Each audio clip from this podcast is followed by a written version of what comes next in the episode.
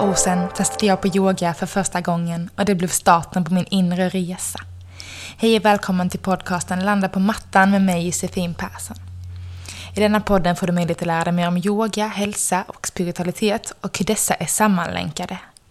Vi kommer även att prata om yogisk filosofi och hur den kan appliceras på vardagen vi lever idag. Nu drar vi igång dagens avsnitt.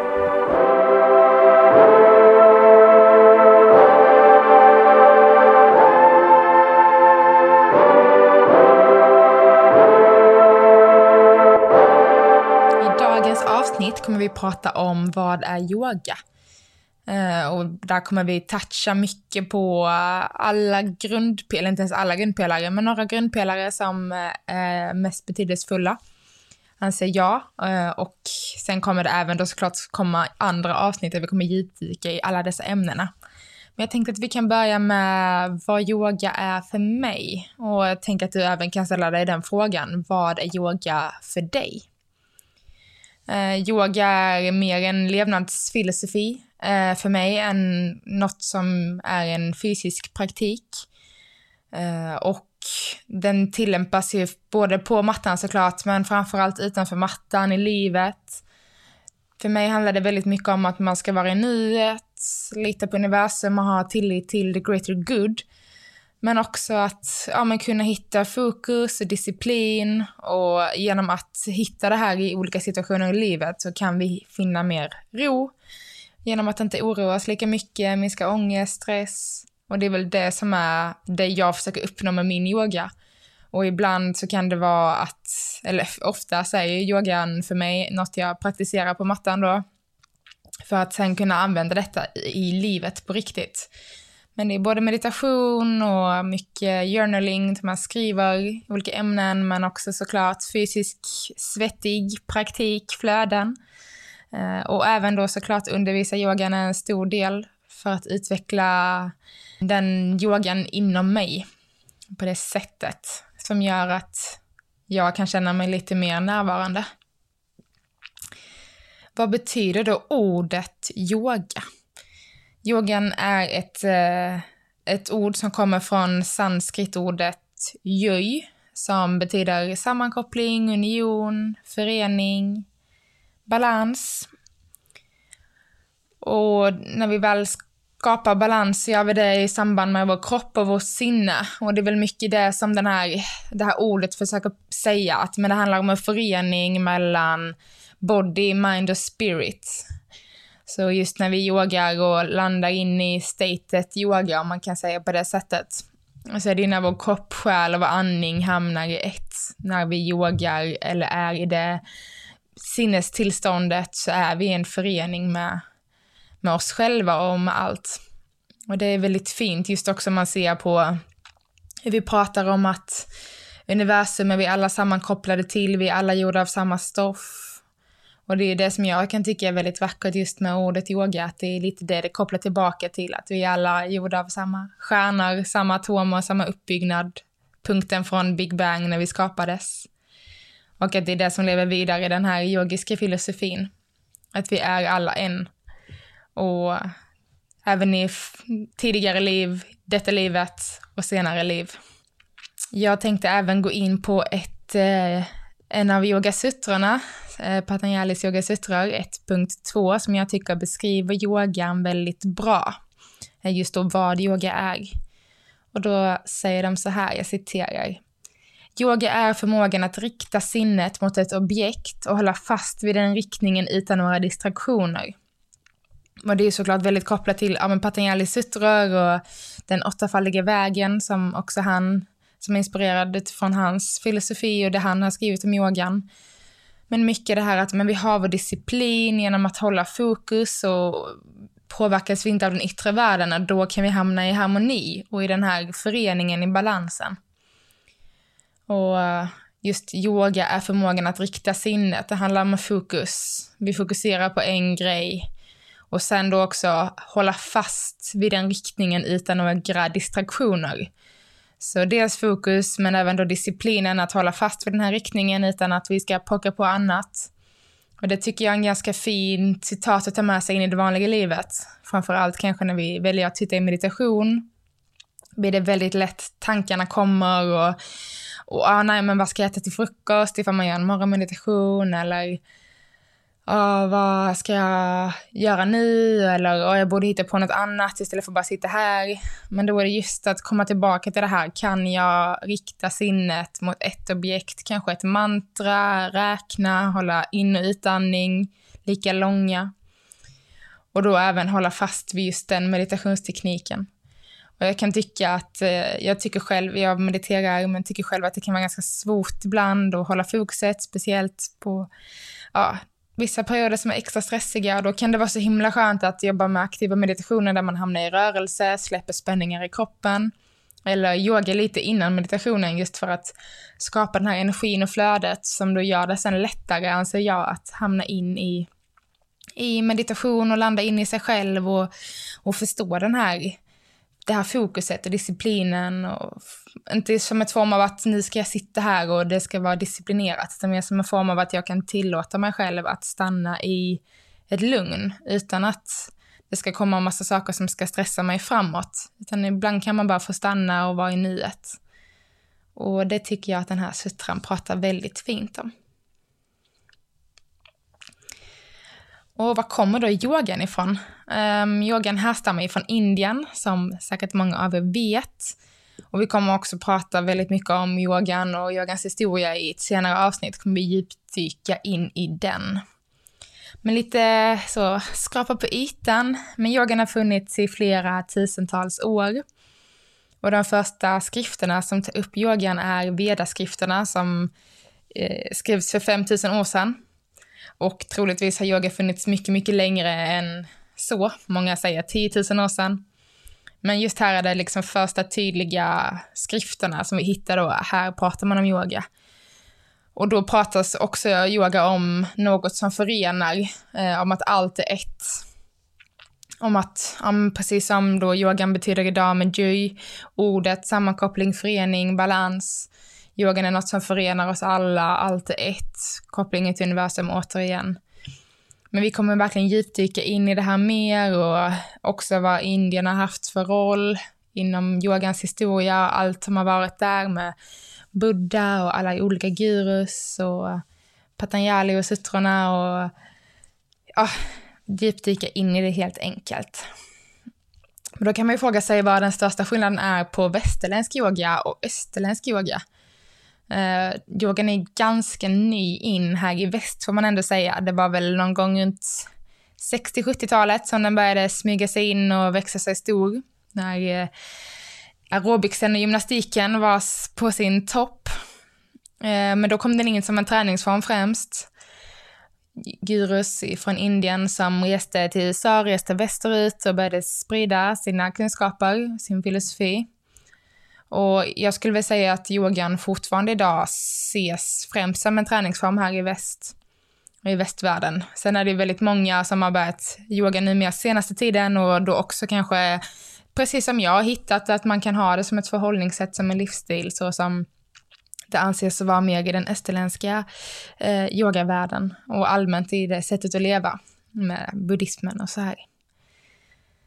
Men eh, ja, det är en träningsform för oss här i väst mycket. Vi ser att vi kan få bättre rörlighet, det är en stretching, även mycket statisk styrka, aktivera andra muskler. Eh, men också att andningen och pranayamas, meditation, andningsövningar har också kommit in mer och mer i sättet vi ser på yogan här i väst. Men sen skulle jag väl säga framför allt i öst ses det verkligen som den här livsstilen, förhållningssättet Eh, Eh, att det inte bara är fysiska positioner som utförs i en följd och inte de här coola Instagram-bilderna med huvudstående och armbalanser, utan att det handlar mycket om det här som vi har pratat om innan, kopplat till sutran. Men det är meditationen, olika tankemönster, sätt att förhålla sig till varandra, men även då fokus och disciplin och hur vi kan jobba med oss själva för att helt enkelt bara må lite bättre. Vara mer i nuet, inte bekymra oss lika mycket. Som vi ofta kan göra här i väst. Stressen är väldigt påtaglig, det är bara att vi har valt att inte se den så mycket. Nu har det också kommit väldigt mycket forskning som faktiskt visar eh, alla fördelar med yogan, vad yogan är bra för och, och framförallt att det finns forskning som backar upp detta tycker jag känns väldigt roligt. Och man ser liksom mycket mer hur den österländska medicinen och den västerländska medicinen verkligen kopplas samman. Men det kommer vi också prata om i ett annat avsnitt. Men eh, bara för att nämna några saker som yogan faktiskt är bra för. Den eh, minskar kroppens eh, eh, stresshormon, kortisol, minskar tydligt när vi yogar just för att vi aktiverar andningen och kommer in i ett lugn på ett annat sätt, vårt parasympatiska nervsystem, samtidigt som vi skapar energi i form av rörelse och flöde. Vi hittar ofta många nya muskler, det är mycket statiska övningar, det är mycket linjering och och vi jobbar ofta med hela kroppen, till skillnad från om man kanske går till gymmet och kör biceps, så är yogan en koppling mellan varenda del i hela kroppen. Med fokus såklart på vissa muskelgrupper i vissa positioner. Yogan minskar även smärta, till exempel mensvärk eller andra mer kronologiska typer av sjukdomar, fibromyalgi, Parkinsons, liknande så. Um, det minskar risken för framtida hjärt och kärlsjukdomar tydligt. Även blodtrycket sjunker när vi yogar regelbundet och det handlar inte bara om att yoga en gång och sen är det frid och fröjd och det handlar inte heller om att yoga varje dag i veckan, två timmar om dagen, utan en till två gånger i veckan så får vi de här positiva effekterna. Och vi börjar även att eh, pumpa ut lyckohormoner i vår kropp, endorfiner och liknande. Eh, och det är verkligen positivt. Och det vill jag också lägga till att det inte bara är yoga, utan all träning. Och så fort vi rör på oss, även om det är en promenad till ett styrkepass till yoga. Vi pumpar ut de här lyckohormonerna som gör oss glada och därför vill jag inte heller bara säga att de här fördelarna som jag säger nu med yogan, de gäller såklart de flesta, eller ja, alla sätt bara röra sig på. Så ju mer vi bara rör oss, promenader, går på pass på gymmet eller vad det nu än är, så, så kommer alla de här fördelarna att komma. Så det är inte bara yoga, utan det är all typ av träning är toppen. Men även koncentrationsförmågan och minnet förbättras just när vi yogar. Och det är väl kanske en av de sakerna som särskiljer kanske just yogan mycket från andra träningsformer. För det är ju så, om man kommer in i en balansövning eller balansposition av något slag så behöver vi koncentrera oss. Och det har säkert många av er uppmärkt om ni någon gång har stått i en ja, balansposition eller huvudstående eller någon armbalans eller bara en krigare med benet upp i luften. Att kommer tankarna på något annat så brukar vi vingla till. Och då handlar det mycket om det här, återigen, disciplinen i form av en koncentration. Fokuset i form av en koncentration. Vad är jag, vad gör jag, hur känns det? Uh, och det är ju något som verkligen förbättras när vi yogar, som vi utvecklar hela tiden. Men vad finns det då för typer av yogaformer?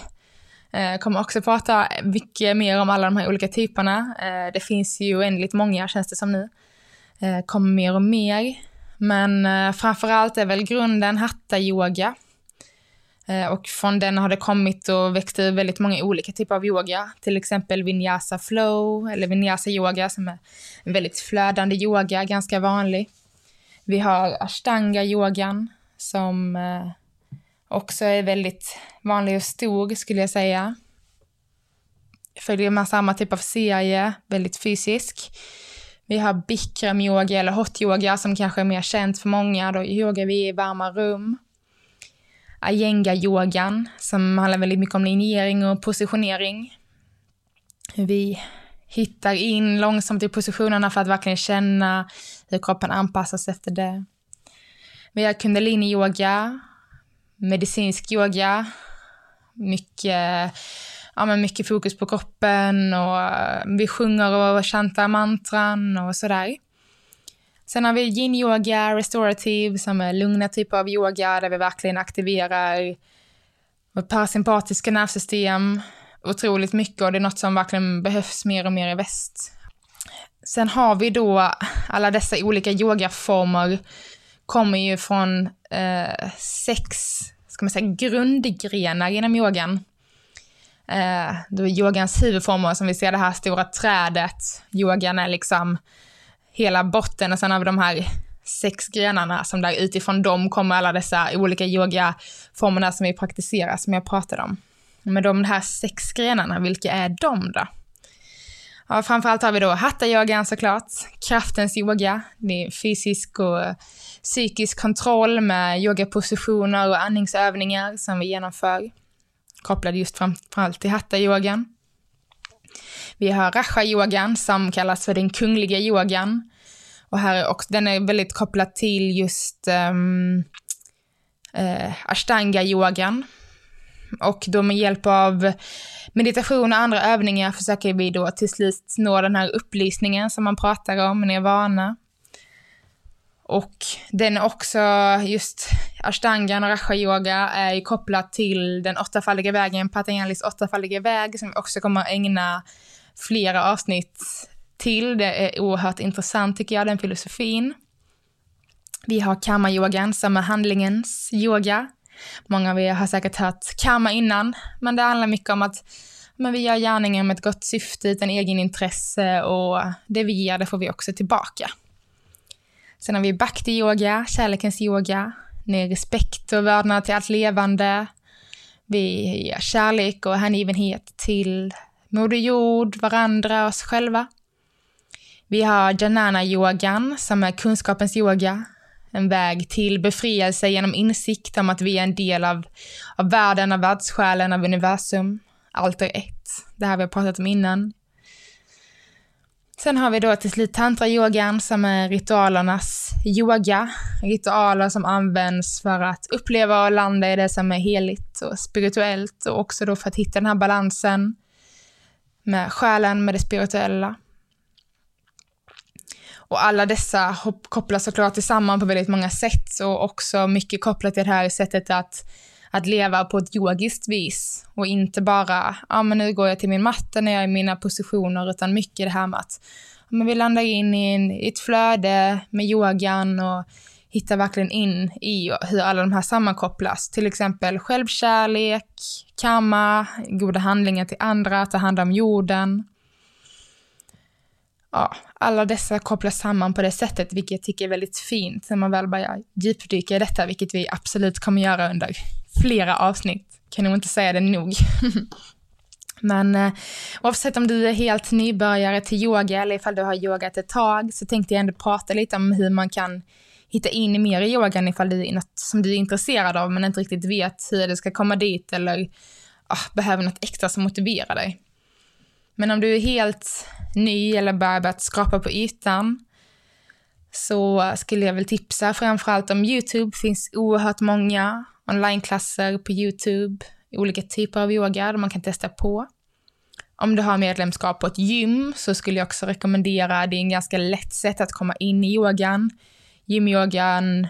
Jag gillar egentligen inte ordet gymyoga, jag undervisar själv på ett gym. Men jag tycker att um, man får en väldigt lagom koppling till en start till yogan. Att det är liksom det här fysiska och träningen, för att det är det man fokuserar på när man går till ett gym.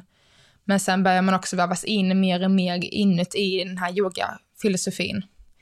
Så har jag, i alla fall jag lagt upp mina klasser. Eh, och det är väldigt uppskattat. Man kan gå på olika workshops. Det finns supermånga olika workshops. Eh, eller så kan man bara kickstarta allting och åka på ett yoga-retreat, åka iväg, isolera sig, djupdyka rakt in, se vad... Alltså det viktigaste är väl att verkligen våga känna in de här förändringarna som händer i kroppen. Och då kan det vara ganska... Ja, jag upplever i alla fall att varenda gång jag är på ett retreat eller på en heldagsworkshop, det är då jag fördjupas extra mycket. Och det är väl något jag verkligen rekommenderar alla att göra om man är intresserad av att komma in i yogan ännu mer. Och det viktigaste av allt, låt det ta tid. Sätt inte upp för många mål. Men om du ändå vill sätta upp mål, så beröm dig så fort du klarar 10% av det målet istället för att trycka ner och säga att jag klarar ingenting. Exempelvis om du vill komma in och börja meditera så Sätt att ja, jag ska meditera tre gånger i veckan, fem minuter.